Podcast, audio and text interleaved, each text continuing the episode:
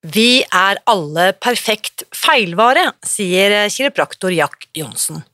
Problemet er bare at noen av oss er blitt hekta på å ha det dårlig. Nå forteller Jack deg hvordan du kan bryte den negative spiralen.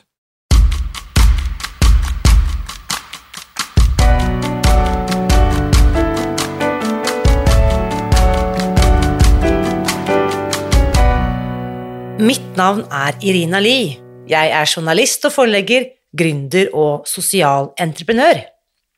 I 2015 spiste jeg meg fri fra overvekt og fedme etter å ha slitt med vekt, kropp og følelser i nesten 30 år. Etter at jeg knakk koden, ga jeg meg selv et nytt oppdrag – å dele denne kunnskapen med alle som trenger det. I denne podkasten kan du derfor høre hele lydboken Spis deg fri. Den finner du ved å bla deg tilbake i arkivet og lytte til første sesong. Hver uke inviterer jeg nå gjester som gir deg påfyll til hodet, hjertet og magen. For min visjon er å endre Helse-Norge, og det får jeg ikke til alene. Du bidrar ved å abonnere på podkasten, skrive en omtale i iTunes og tipse meg om hvem jeg burde invitere hit. Da setter vi i gang med ukens episode. I dag skal du få høre hvordan et panikkanfall førte til at eh, Jack Johnsen begynte å utforske meditasjon og ulike tanketeknikker. Han kommer også til å stille deg fem spørsmål mot uh, slutten av denne episoden, som vil vise deg hva slags eh, tilstand du går gjennom dette livet på. Rett og slett for å finne ut om du er bevisst eller ubevisst. Så finn frem penn og papir, for nå setter vi i gang.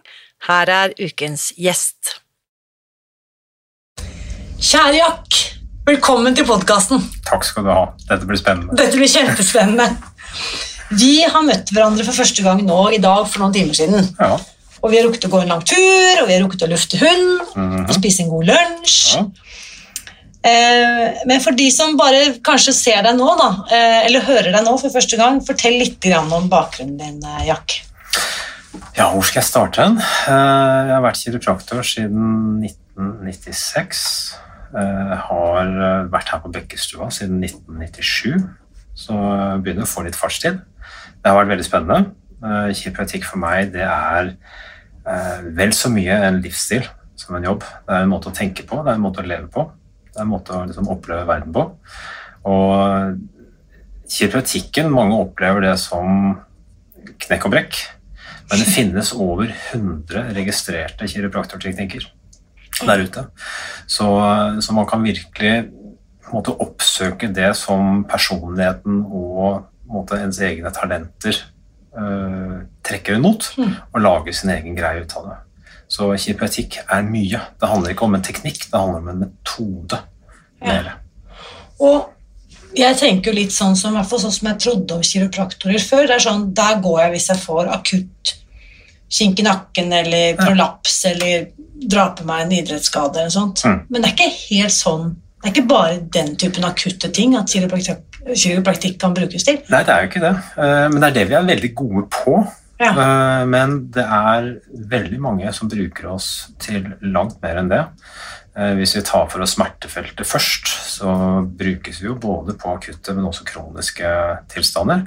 Og så er det viktig å vite at vi også brukes på eh, idrettsskader, skader og smerter i armer og bein, kjeve. Det, eh, kolikk. Vi behandler egentlig folk gjennom hele livsløpet. Ja. Og, og for oss er det veldig viktig at folk forstår at smerten gjerne har et budskap. At det er ikke noe som bare kommer kasta på deg. Eh, av og til så er selvfølgelig en spade bare en spade. Du tråkker over.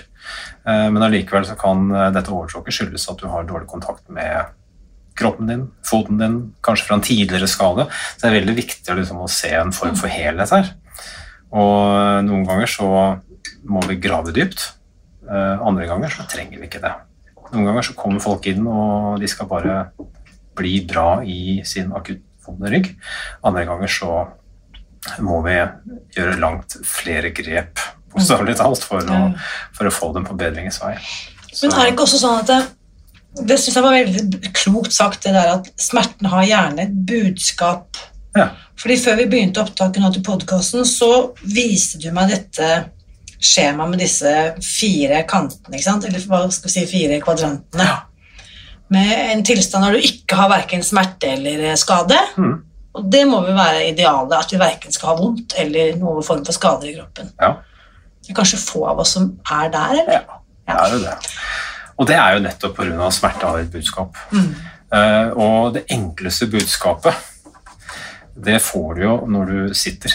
Og du tenker jo ikke over det engang. Fordi at hver gang du endrer deg litt på stolen, så er det for at du egentlig har litt vondt. Ja. Og det er kroppen som forteller at her er det dårlig sirkulasjon, gitt. Beveg deg. Beveg deg. Sett deg litt annerledes, please. Så enkelt kan, det, så enkelt kan budskapet være. Men har du hatt sånne greier i perioder hvor du har sånn at klokken piper hvert tredje minutt, og da skal du Jeg møtte en som gjorde det, nemlig. Ja, ja. Det trenger jeg ikke. For dagen min er en eneste stor bevegelse. Ja. Så, så det er, der er jeg privilegert. Du trenger ikke noe påminnelse om å Nei. komme deg opp av stolen, bevege deg, flytte på høyre bein. Ja. Også I tillegg så er jeg veldig glad i å bevege meg på fritiden. Så både, leke med, både, både bevege meg som lek, men eh, selvfølgelig også med bikkja og andre ting. Ja. For du, du har også drevet mye med idrett. Jeg leste meg opp på hjemmesiden din med ulike typer idrett og også kampsport. Ja, så det er, den, det er på en måte det som ligger mitt hjerte nærmest, så er det Ja. kampsporten og jiu-jitsu. Det, det var for meg i mange år eh, sandkassa mi. Ja. Og jeg har en sånn grunnleggende filosofi om at vi mennesker vi må aldri kvitte oss med sandkassa vår. Ja. Vi kan godt bytte sandkasse gjennom livet, avhengig av liksom forutsetningene våre, men det skal alltid være en sandkasse der. Og for meg så var jiu-jitsu en fantastisk måte å møte mennesker på, og leke. For det er det kampsport mye dreier seg om. Og ikke minst skape trygghet gjennom kroppskontroll, kontakt med andre mennesker. Og ikke minst regulere følelser. Mm. Får man litt mye gruff, eller er det, der, er det jeg burde begynne med hvis jeg liksom er litt frustrert? Ja, det er veldig fint sånn sett, for det blir gjort under lek. Og det er sant, noe, av det, noe av det som gir oss mennesker plager, eh, og ikke minst som forsterker signalene fra de plagene vi har, så er det det at vi kan klare å regulere spesielt eh, følelsene våre. Og en ting som kampsport er helt rå på å, gjøre det. Ja. Fordi eh, når du står der og du liksom, vi, Det er jo lek, alt er lek, men det blir jo ofte Vi må jo av og til liksom herje litt med hverandre. og, og det gjør veldig godt i en setting hvor vi gjør det med glimt i øyet. Og en annen ting som jiu-jitsu er helt fantastisk på, det er at den gjør deg veldig ydmyk. Spesielt den delen når vi går inn og, og si, noen vil kalle det lekeslåss. Det heter grappler. Og at vi, vi bryter. Og hvor du, du, du får anledning til å gi deg når som helst, men stort sett så gir du deg enten fordi at du sitter i et kvelertak, eller fordi at du vet at hvis du ikke gir deg nå, så blir du skada. Ja. Og det gjør deg veldig ydmyk, fordi eh, du kan ikke skylde på noen andre enn deg selv. Så i den grad du trodde du var jævlig god, så, så skjønner du at noen er bedre. Ja, ikke sant? Men eh, nå, nå er jeg bare nysgjerrig. Den- jeg antar at du, du trener i en klubb av et eller annet slag? Da trente jeg i Bærum jiu-jitsu-klubb. Ja. Så Hva var kjønnsbalansen der? Det var mest eh, menn, eh, men vi opplevde med barne- og ungdomspartiene at det kom eh, Ja. flere og flere jenter til. Men blant de voksne, da, Ja. pluss 18, hva, hvordan var Da- fordelingen der? Da var det flest menn når jeg holdt på. For jeg, jeg snakket faktisk om dette med lek da, for Ja. oss voksne. Jeg snakket om, jeg hadde en samtale med to gode kamerater i, i Sverige faktisk, i, i morges. Vi møttes på Zoom. Og da snakket vi om dette med lek og betydningen av å leke. Aldri, vi må aldri forlate sandkassen vår, sånn Mm. som du er inne på. Og jeg har nemlig en forestilling om at gutter eller menn er mye flinkere til å opprettholde leken enn kvinner. Men det tror jeg. Hvorfor er det sånn? Vet du hva, Det er et veldig godt spørsmål. For Jeg ser jo også eh, gjennom eh, oppdragelse, og jeg har jo en av hvert kjønn. Ja. Og sønnen min og jeg vi har jo lekeslåss veldig mye. Ja. Mm. Og det har jo vært veldig trygt i og med at jeg har min kompetanse i bånn. Mm. Eh, Men jeg har jo opplevd at det har også vært en måte for han å hjelpe han å regulere følelser Absolutt. gjennom den litt røffe leken. Så, og så har jeg vel også en Hva skal jeg si en grunnleggende filosofi i det at det er veldig trygt og godt å vite at du har potensial for å forsvare deg. Mm. Mm. Eller som jeg sa til eh, Jeg husker jeg trente et ungdomsparti, og det er noen år siden nå hvor jeg startet treningen med å si til dem at er det ikke rart? Her trener vi egentlig noe som vi håper vi aldri kommer til å få bruk for. Morsomt. Mm. Ja, for det er jo selvforsvar i bånn. Ja, ja. Ja. Og jeg har møtt så mange utrolig godt regulerte, lekne Mm. mennesker i kampsportmiljøet. Det er eh, de, de andre faller fra. De har ikke noe der Ja. å gjøre. Ja, de som er ute for å, å bruke det som en arena til å yppe til bank eller slåss eller ja, Ja, sjekke seg eller et eller annet. De som ikke har den ydmykheten, kanskje òg. For jeg, jeg tror kanskje det ville vært løsning løsningen på veldig mye, hvis flere av oss, og flere kvinner òg, var flinkere til å leke. Ja. Og de jentene, eller de voksne damene som leker, de blir jo sett på som sånne guttejenter. Mm.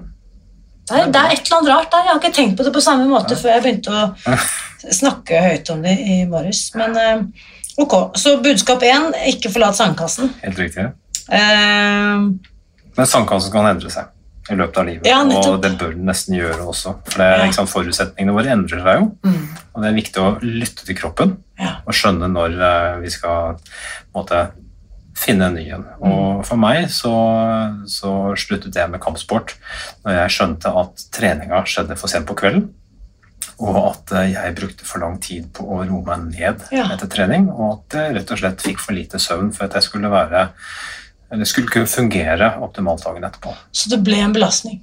Ja, det ble en belastning. Eh, Selv om jeg syntes det var kjempegøy, så ble den belastningen liksom for stor for totalpakka. Eh, Yes. Det å leve jaksliv på jaktspremisser. Ja, og det er trist. Det var faktisk veldig mye sorg i det å kutte ut det. For det var jeg. helt fantastiske Men er det enten eller? Kan du ikke liksom bare gjøre det sånn en gang iblant? Eller er det, det er ferskvare, så du må bare ha masse? Det, det er ferskvare, men samtidig så er jeg skrudd sammen sånn at jeg lett går all in når jeg først gjør det. Ja. Så jeg, jeg sliter litt med å gjøre det halvveis. Nettopp. Jeg skjønner. Det, Eh, så hva er sandkassen nå, da? Sandkassen nå, det er å mer være aktiv med bikkja. Ja. Sandkassen er å trene mer på sats, gjøre sånne ting. Mm. Sandkassen den har alltid vært å bare fortsette å lære. Jeg er veldig Mm. glad i å lære. Jeg kjenner at de gjør meg, de gjør meg så glad. Bare Mm. lære noe nytt og se hvordan jeg kan bruke det og Mm. liksom, ja, leke med det. Kan jeg, du sa det kanskje, men hvor gammel er du? 54. 54. Så um, da tenker jeg også at det er mange som hører på dette som er yngre enn deg, mange som hører på dette som er like gamle som deg, eller eldre. Ja. Det er ikke noe aldersgrense på lek. Nei, Nei. det er viktig å Det er bra. Eh, og så uh, tenkte jeg litt på det du sa før vi startet opptaket her, dette her med det optimale, da, som på engelsk vil kunne refereres til som is. Mm. Eh, Eller at noe er easy, liksom. At du har en perfekt balanse mellom det du kalte produksjon og restitusjon. Ja. Det er den optimale balansen vi kan se for oss. Mm. Og så hvis det blir ubalanse, som at vi er over i dis-is. Mm. At det blir overvekt av produksjon og for lite restitusjon. Mm. Jeg bare lurer på, siden du nevnte sats, kan det for noen være restitusjon, mens det for andre bare blir nok en ting som de skal prestere og produsere og stresse med? Til de grader. Det, det ser vi jo. Og det er eh, så mange som kommer hit og som allerede trener, eh, spesielt på Sats, eh, så prater jeg om hva som skjer mellom settene.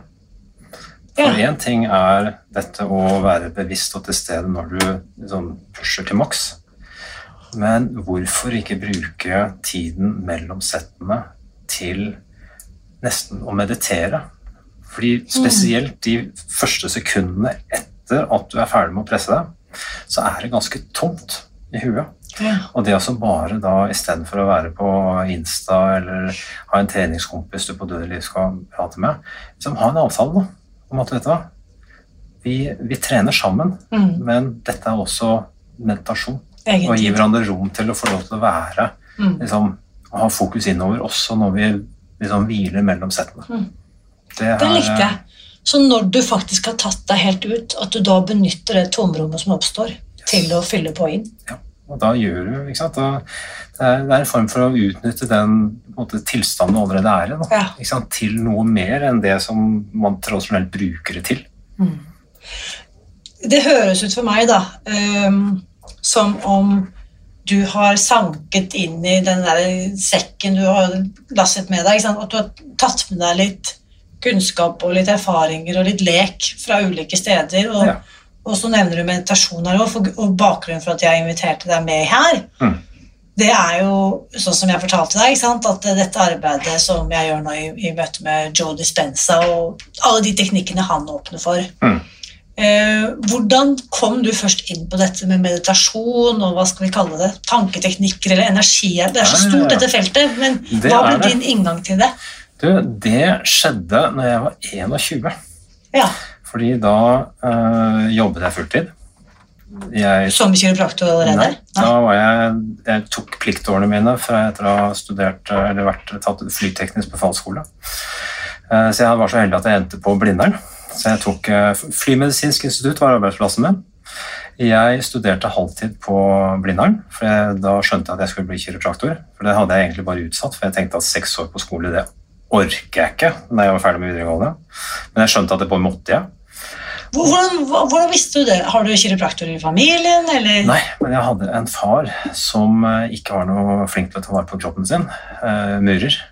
Og han krabba rundt hjemme og kom gående hjem igjen, og det syntes jeg var så fascinerende. Ja.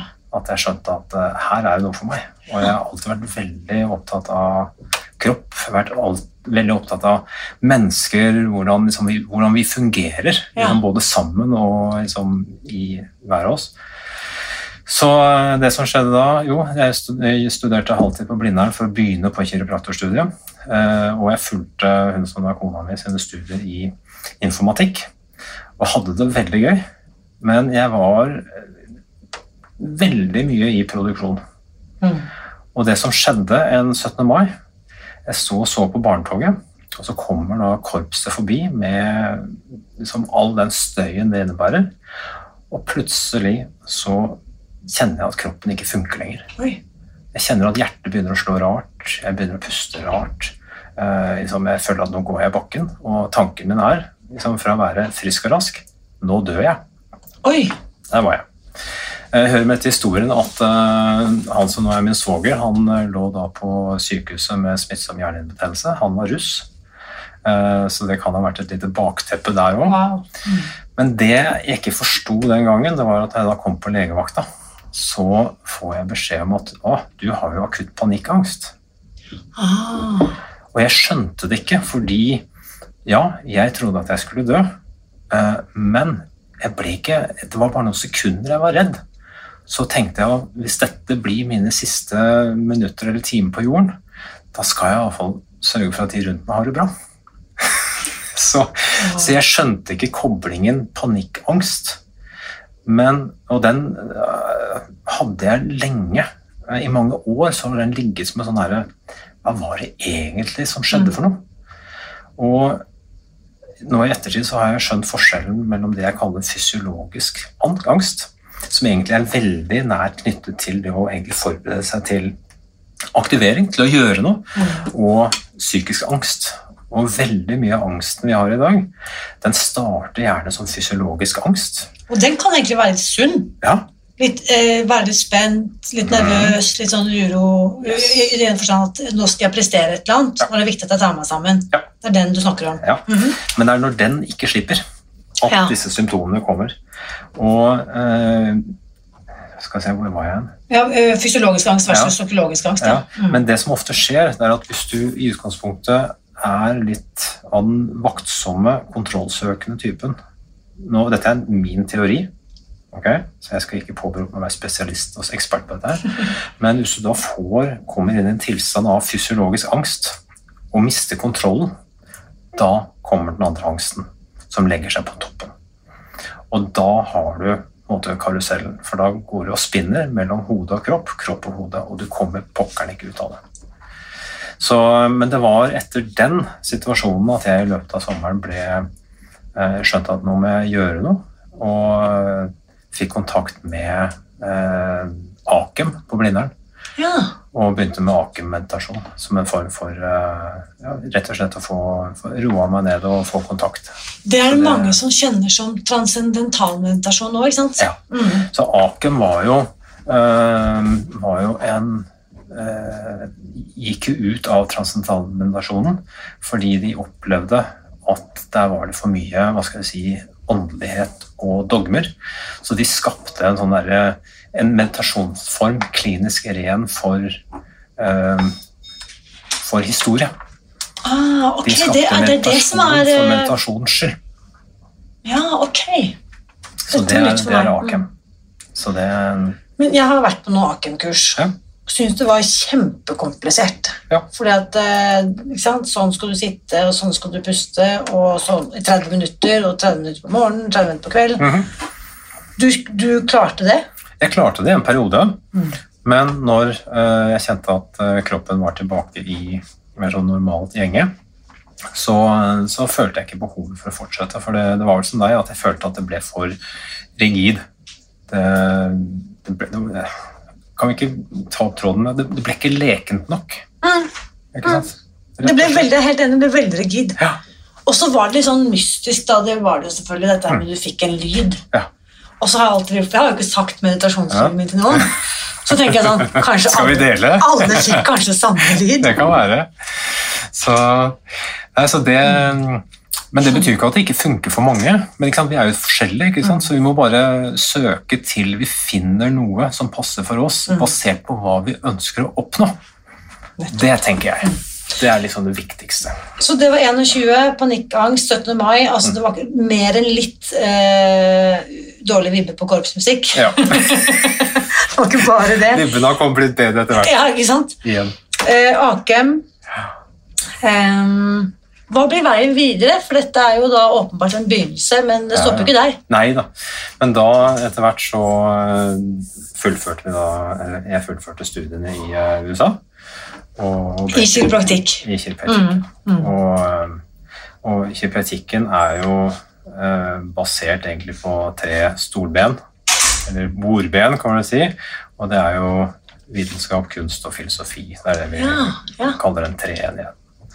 Og filosofidelen er jo veldig sterk blant noen kiropraktorer, mens andre skyr den som pesten. Og, og det igjen, det er jo helt avhengig av hvem du er som type. Så fordi at uh, kiropraktikk er jo en såpass god metode bare på ren smertebehandling, Mm. Uh, og mange syns at det holder. De har ikke behov for å gjøre det mer metafysisk enn det, mens andre har et behov for å sette det inn i en større sammenheng. Så, og dermed så er det måte, grener innenfor kiropraktikken som fortsatt liksom, snakker litt dårlig sammen. Og, men det, det, har med, det har med personlighet å gjøre. Det har Mm. også med liksom, Hva har du fått hjelp for da, av kiropraktor? ikke sant? Det er jo um, Har du fått hjelp for en vondt å bli kiropraktor, og det er naturlig at du søker mot det. Er det andre ting som, har, uh, som du har fått hjelp med, så er det klart at du kanskje møter det med utdannelsen og jobben med litt mer åpent åpen sinn. Så, jeg er litt nysgjerrig. Men når du sier kunst, Ja. Kunsten er jo håndverket. nettopp, så det er på en måte håndverkeren du, Ja. du er som eh, Det er på en måte kunstverket ditt, da. Ja, og det, det kan du si at vi snakket jo om at kiropraktikk det er over 100 registrerte teknikker, hvorav liksom Uh, forskjellige måter å bruke manipulasjon på er det vi er mest kjent for. Og der er vi kjempegode. Det, er, øh, det, er jo liksom, det står så sentralt i det vi gjør, at det skal godt gjøres å matche oss der. Mm. Eh, Men det er veldig mange andre teknikker. Ja. Og er derfor at det er viktig å skille mellom teknikk og metode. Ikke sant? Det at vi, vi har et mål vi ønsker å oppnå. Hvordan kommer vi til målet? Av og til så er det da gjennom manipulasjon. Andre ganger kan det være gjennom avspenning og bevisstgjøring. Eh, Det kan være muskelarbeid, ikke triggerpunktterapi, nålbehandling, trykkbølge. You name it. Det handler egentlig ikke så mye om teknikken, men mer om hva du ønsker å oppnå. Ja. Det er der du egentlig finner kiropraktikkens hjerte. jeg. Egentlig det er interessant. Altså. Jeg har liksom aldri tenkt på kiropraktikk som også en filosofisk retning, men mm. it makes sense når jeg hører deg fortelle nå. Mm. Og da blir jo også eh, dette arbeidet her med meditasjon og energiarbeid en veldig naturlig del av det. Ja, egentlig. Ja. Og det er for de som ønsker det. Ja. Så Fordi dr. Joe Dispenza han er også kiropraktor. Ja. Det er det ikke alle som vet. Nei. Men øh, øh, også fortalte du før her tidligere i dag mm. at han har vært i Oslo. Ja. På besøk hos eh, Er det kiropraktor eh, Det var et kiropraktisk symposium eh, arrangert av norske kiropraktorer. Og vi fikk anledning til å ha en hel helg med han. Og det var eh, veldig bra. Ja. Og den helgen var jo da, Temaet var jo å knytte hans arbeid opp mot igjen kiropraktikk, kiropraktisk filosofi Mm. og liksom måte, ja, metoden, Mm. og utvide den.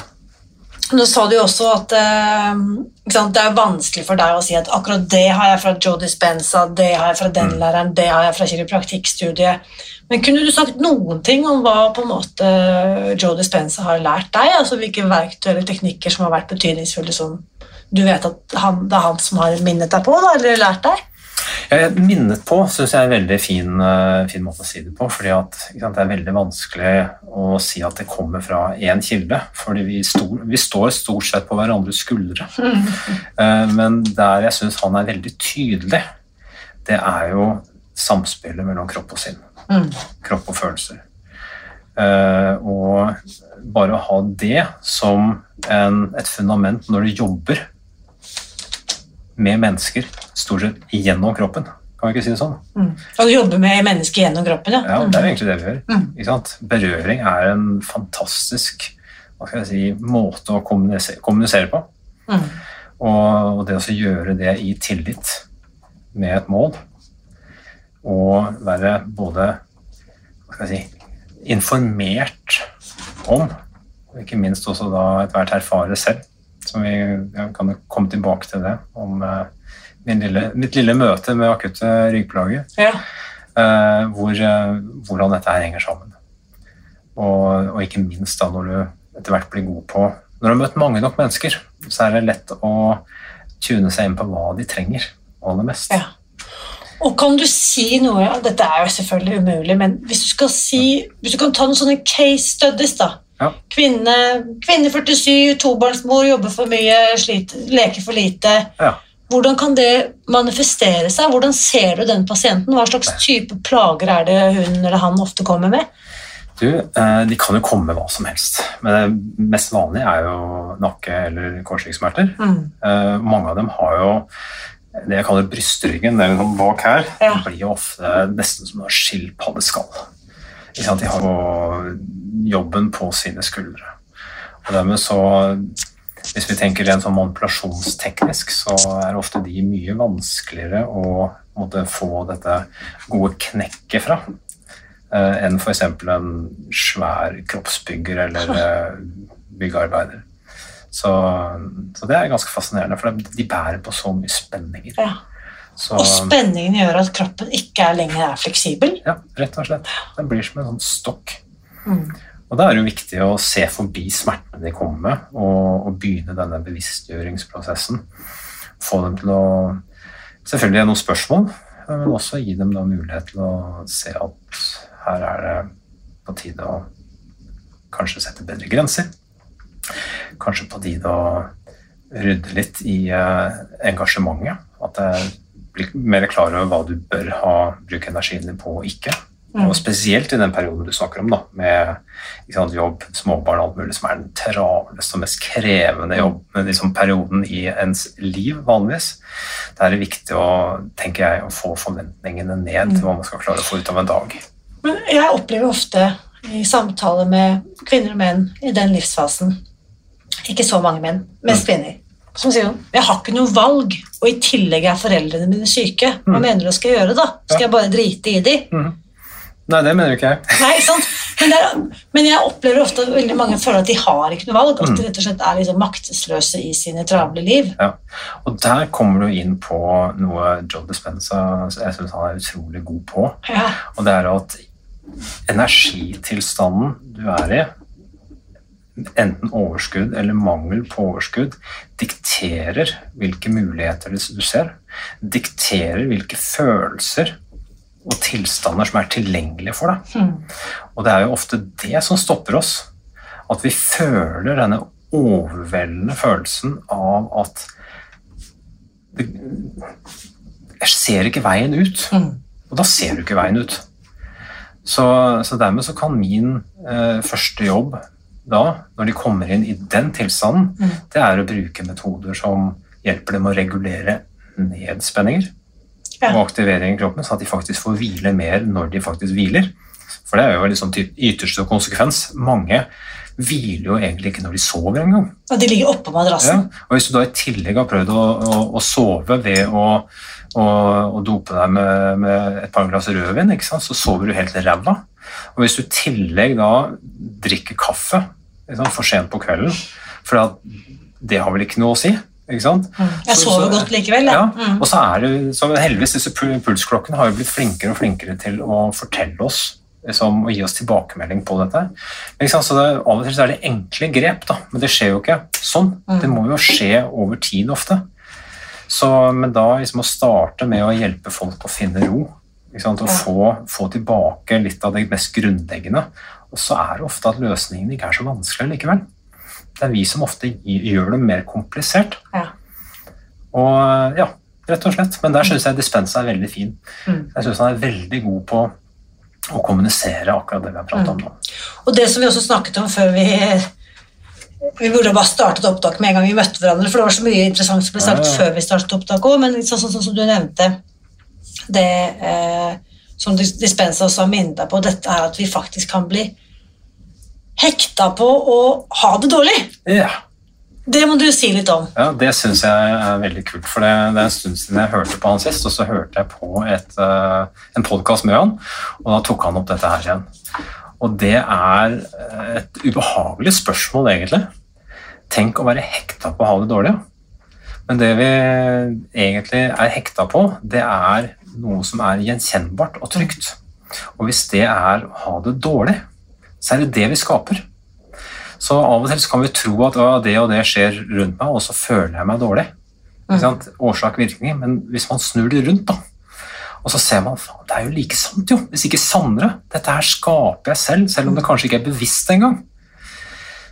Og det er både ubehagelig og veldig frigjørende. For når du klarer å sette ord på det, så kommer vi tilbake til dette norske ordtaket om at troll i solen sprekker. Mm.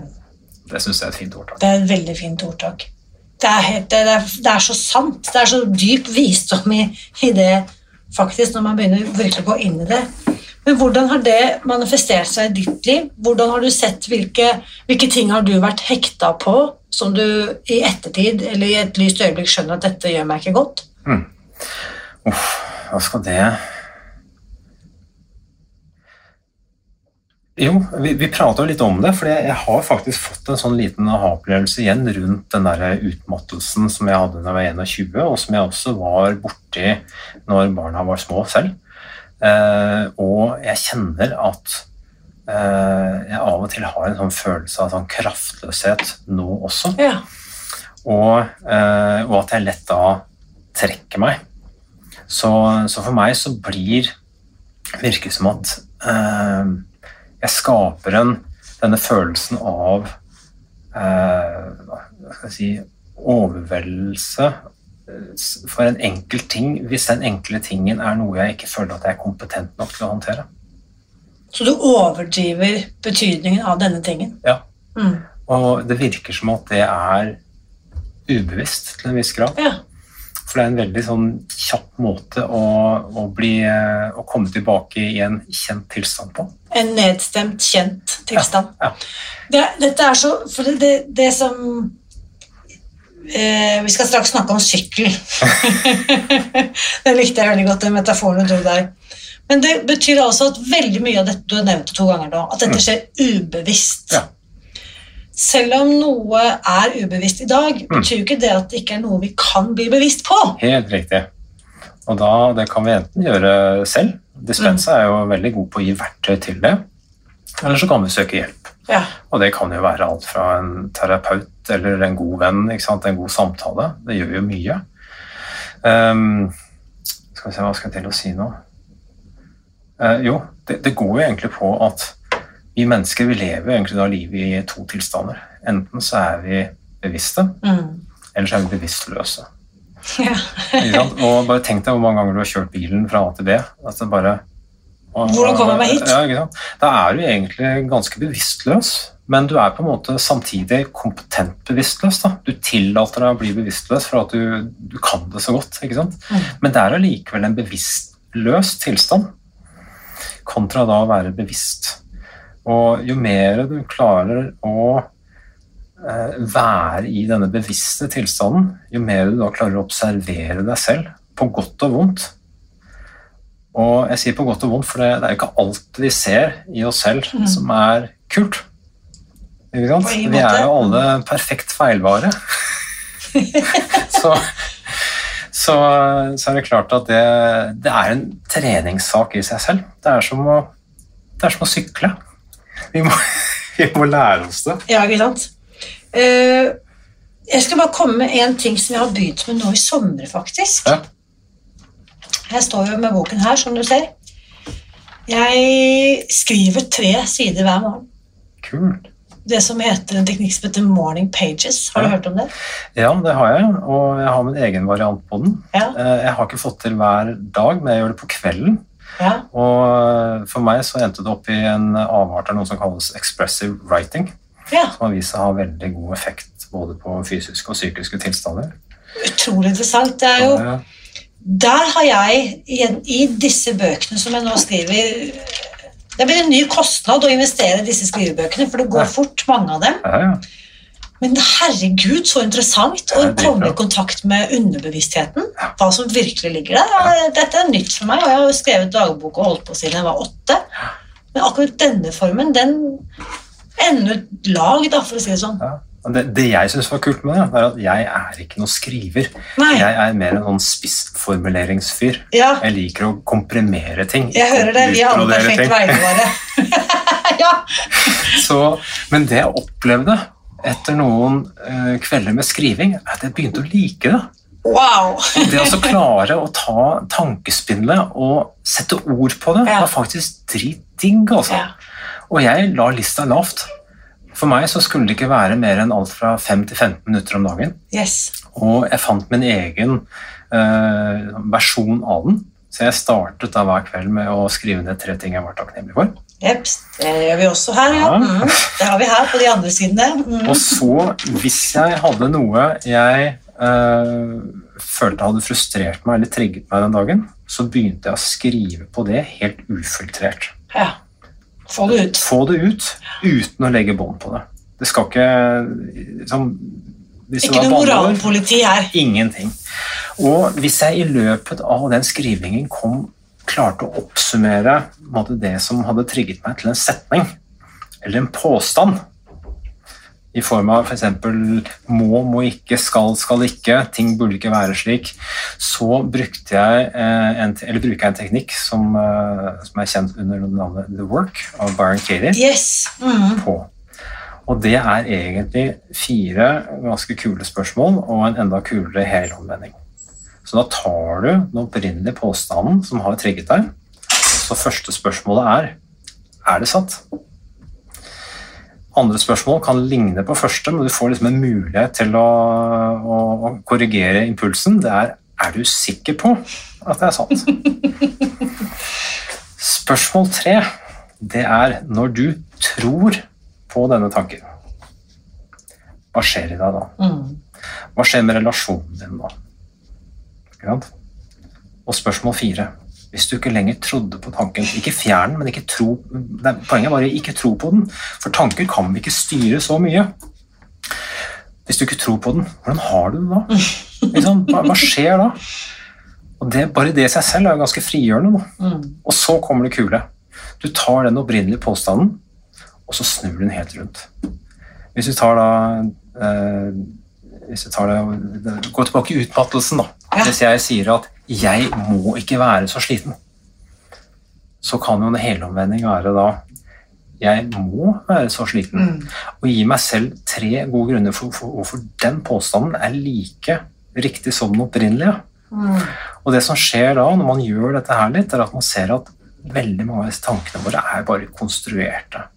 De har jo ingenting med virkeligheten å gjøre. Og, altså. og vi trenger da ikke lenger tro på dem.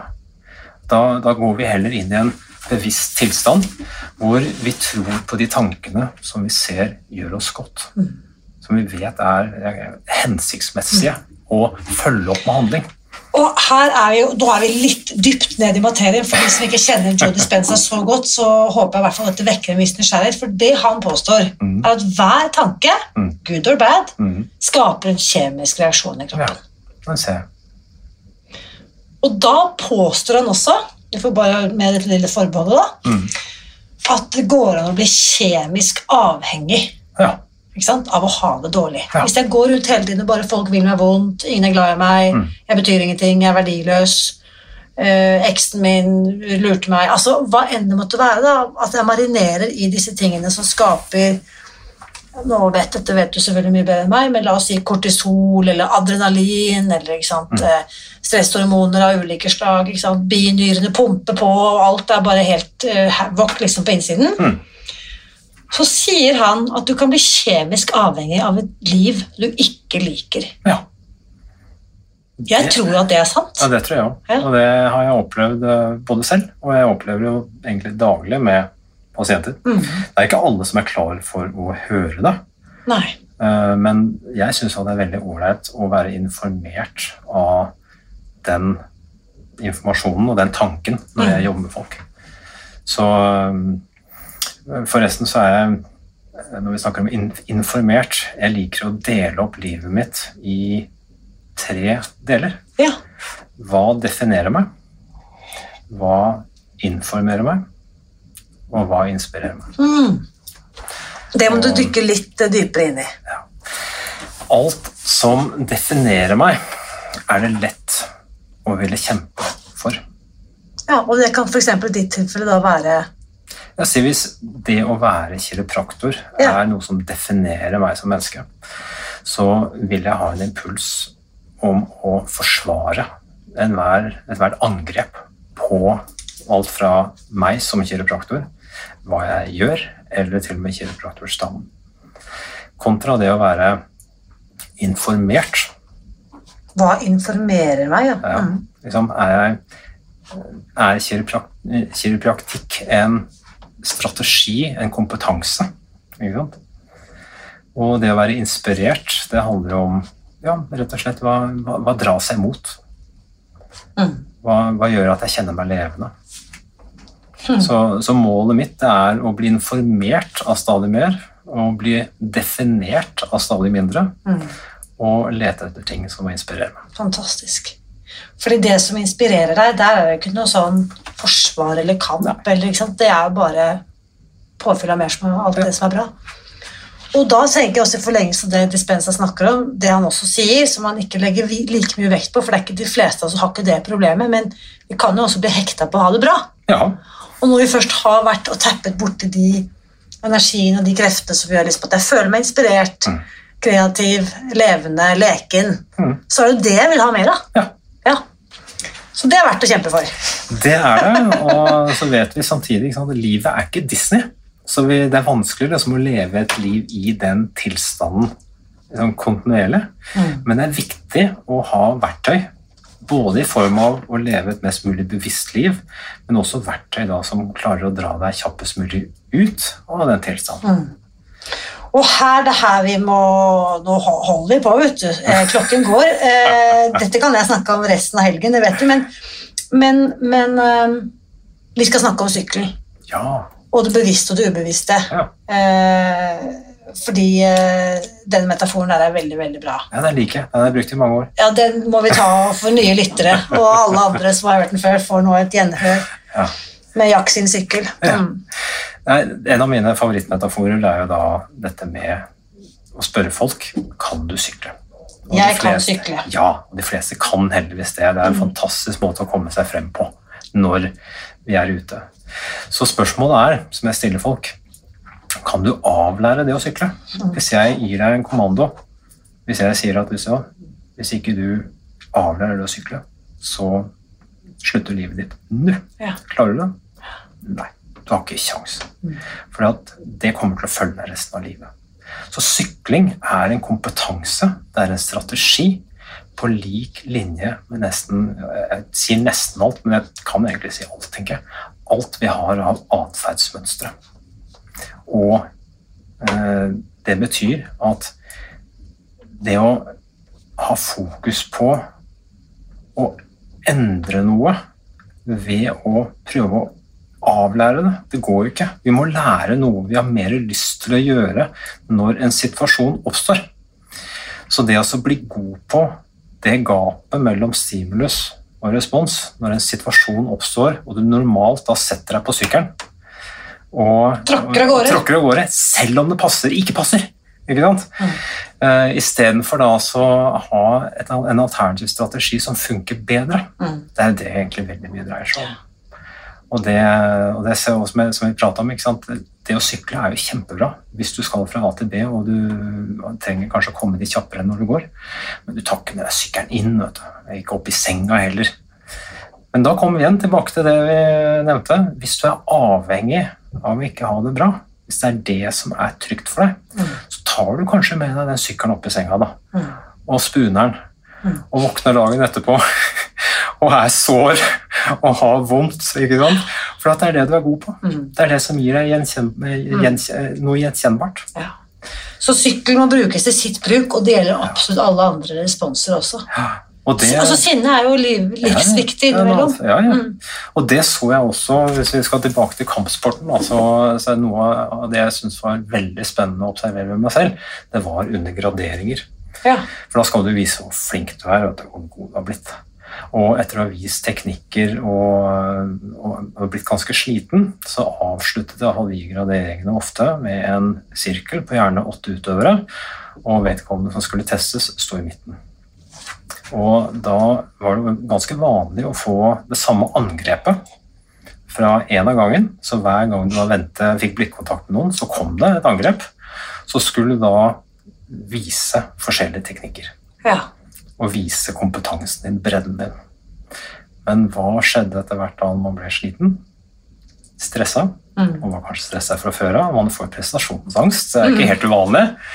Det er at eh, i alle fall jeg gjorde det jeg var god på. Det jeg var trygg på. Det Og da ble det det samme. Da ble det etter hvert så ble det det samme som gikk igjen og igjen når du ble sliten nok. Og det er jo det som ofte skjer i livet. Apropos uh, sliten uh, tobarnsmor og jobb og alt det Mm. der. Ikke sant? Vi, vi går inn i atferdsmønstre uh, som ikke nødvendigvis er hensiktsmessig, Ja. men det er det vi kan. Ja. Vi har ikke overskudd til noe annet. ikke sant? Og bare det å bli bevisst det, Mm. at det er det som skjer, og ikke ta det så personlig. ikke sant? Ja. Ikke føle deg helt ubrukelig for at du takla den situasjonen feil eller dårlig, eller Mm. hva det skal være. Men, Du burde visst bedre, Ja. liksom. Ja. ja, du burde visst bedre hvis Mm. du var i en annen tilstand, men der og da så, så var ikke det mulig. Ja.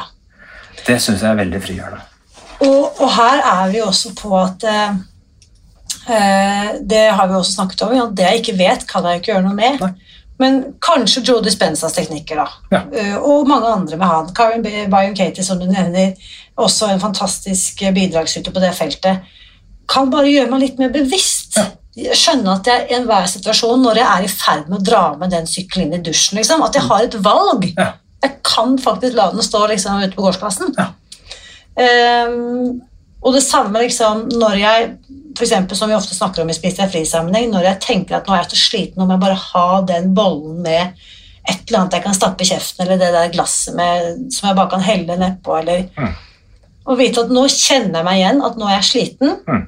Har jeg noen andre strategier Mm. enn å dra frem vinflasken, godteskålen, sykkel? Mm. Kan jeg gjøre noe annet? Mm. Dra frem boken og skrive tre sider, eller meditere, eller Ja. lytte på en podkast med, med Joe, eller hva som helst. Mhm. Eh, jeg har bare lyst til å runde av, Jack. Dette var kjempespennende. Eh, smerte har gjerne et budskap. Ja.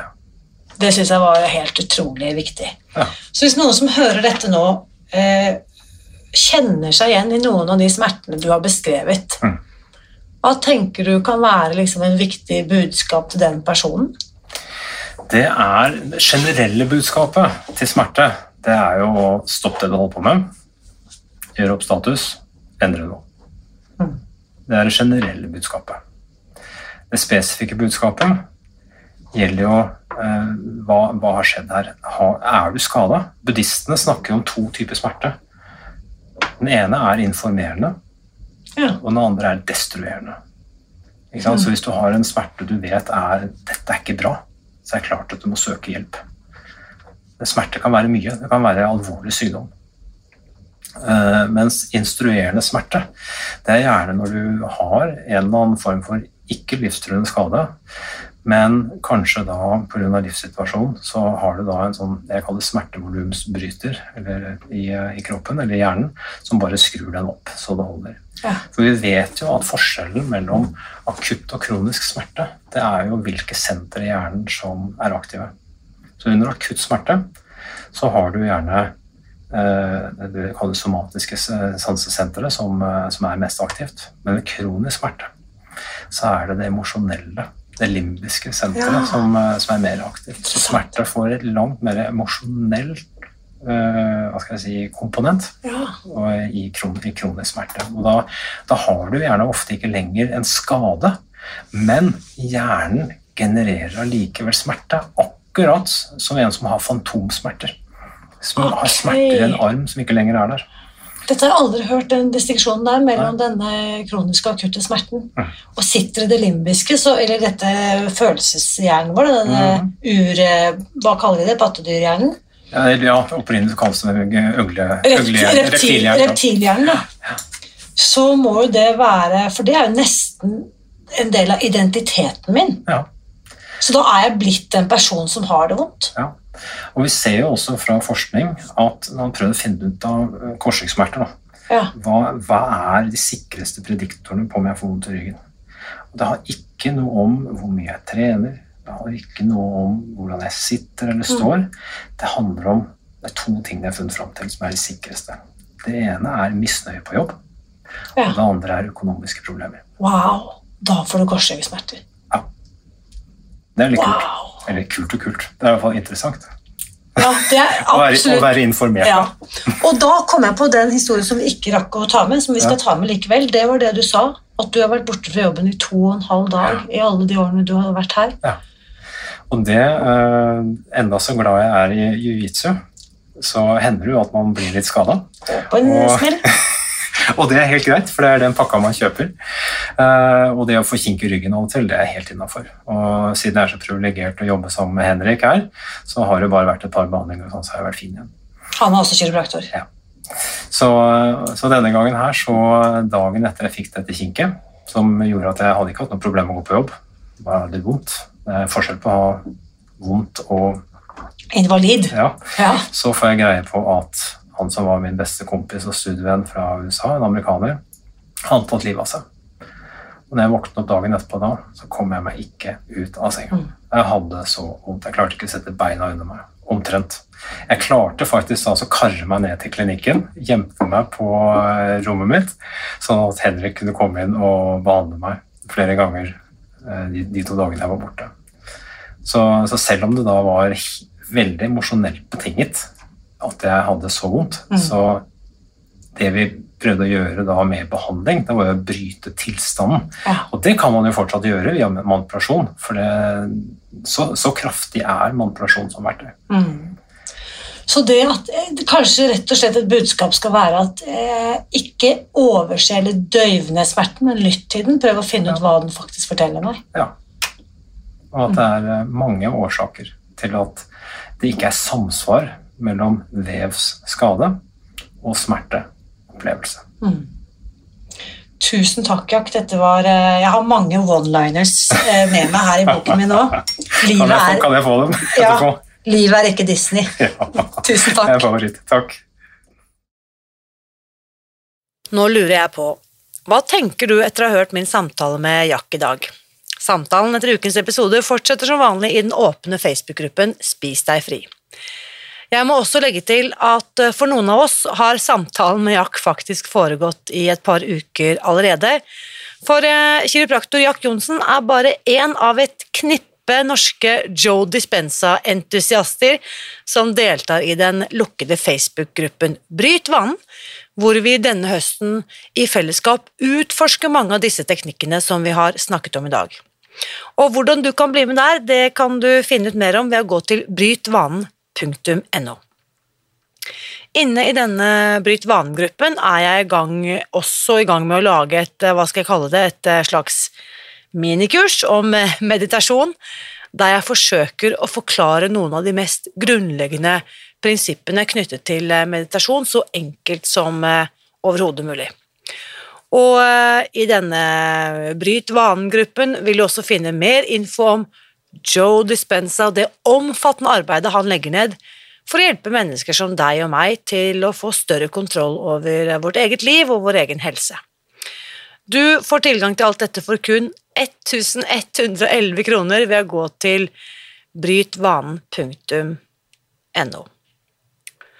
Og som jeg kunngjorde tidligere denne måneden, har jeg altså kjøpt de norske bokrettighetene til Joe Dispensas mest populære bok, som på norsk vil få tittelen Bryt vanen med å være deg selv, og dette er altså bakgrunnen for at jeg nå eh, har laget denne midlertidige, lukkede gruppen som har fått navnet Bryt vanen. Jeg må også bare da huske å legge til at hvis du blir med inn i gruppen før 1. oktober 2023, så får du faktisk navnet ditt på trykk i den norske utgaven som jeg planlegger å lansere på lille julaften, så det er ikke lenge til. Så bare klikk deg over til britvanen.no, og så gleder jeg meg til å møte deg inn i gruppen og høre hva som, og lese og se hva som motiverer deg til å endre dine vaner. Og så bare la meg legge til før vi er helt ferdige for i dag. I neste uke da skal du få møte Ann Jorunn, som i fjor valgte å begynne på slankesprøyter for å gå ned i vekt. Og etter å ha snakket med henne, så skjønte jeg at jeg er nødt til å sette meg mye mer inn i hva disse sprøytene går ut på. Så i løpet av de siste ukene har jeg vært i kontakt med et uh, titalls personer som har det til felles at de alle har gått, eller går, på denne typen uh, medikamenter. Og jeg har lyttet, og jeg har lært veldig mye, og basert på deres erfaringer har jeg nå bestemt meg for å lansere et helt nytt Spis deg fri-kurs, spesielt tilpasset deg som går på disse slankesprøytene, eller som vurderer å begynne. Og dette kurset jo, eh, vil ha et svært begrenset antall plasser i denne pilotrunden, i hvert fall. Og du kan lese mer om kurset ved å gå til spisdegfri.no xxl. For dette er et XXL-kurs. For det første så går det over et helt år sånn at du kan få langvarig oppfølging for å legge om eh, livsstilen. Enten du velger å gjøre det med eller uten sprøyter. Og så har jeg bare slengt på en ting til, for jeg vet at uh, du som uh, hører dette, helt sikkert tenker at dette høres for godt ut til å være sant. Så jeg har rett og slett bestemt meg for, for å investere i din tvil, for å si det sånn. Derfor har jeg nå laget en garanti. En, eh, mitt løfte til deg er at hvis du deltar på dette pilotprosjektet XXL og fullfører kurset uten å gå ned i vekt, så lover jeg deg at du skal få alle pengene tilbake. Det sier litt om hvor trygg jeg er på at du vil få de resultatene du drømmer om, hvis du våger å bli med på dette. Dette har jeg aldri gjort før, bare, men jeg er bare helt confident på at uh, du kommer til å få de resultatene du vil ha. Hvis du velger å bruke din tid, investere tid, penger og energi på å bli med på dette pilotprosjektet, så lover jeg deg at jeg skal gjøre alt det jeg kan for at du skal lykkes. Og mer info om dette kurset som starter nå i oktober, det finner du på spisdegfri.no skråstrek XXL. Og så må jeg også legge til at på dette kurset så kommer vi til å møtes fysisk i Oslo flere ganger gjennom det kommende året. Så bare vit det at du vil eh, Det vil være bra for deg hvis du har muligheten til å komme til Oslo eh, i hvert fall tre ganger. Um, også i tillegg skal vi møtes digitalt.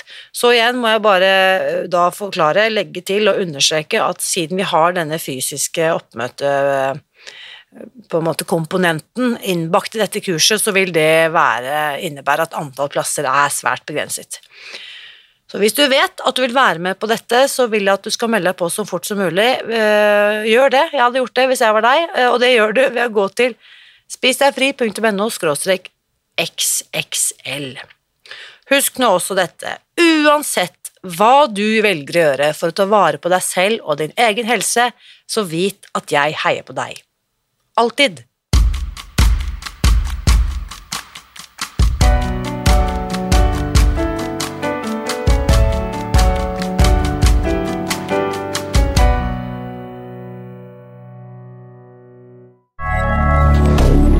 Moderne media.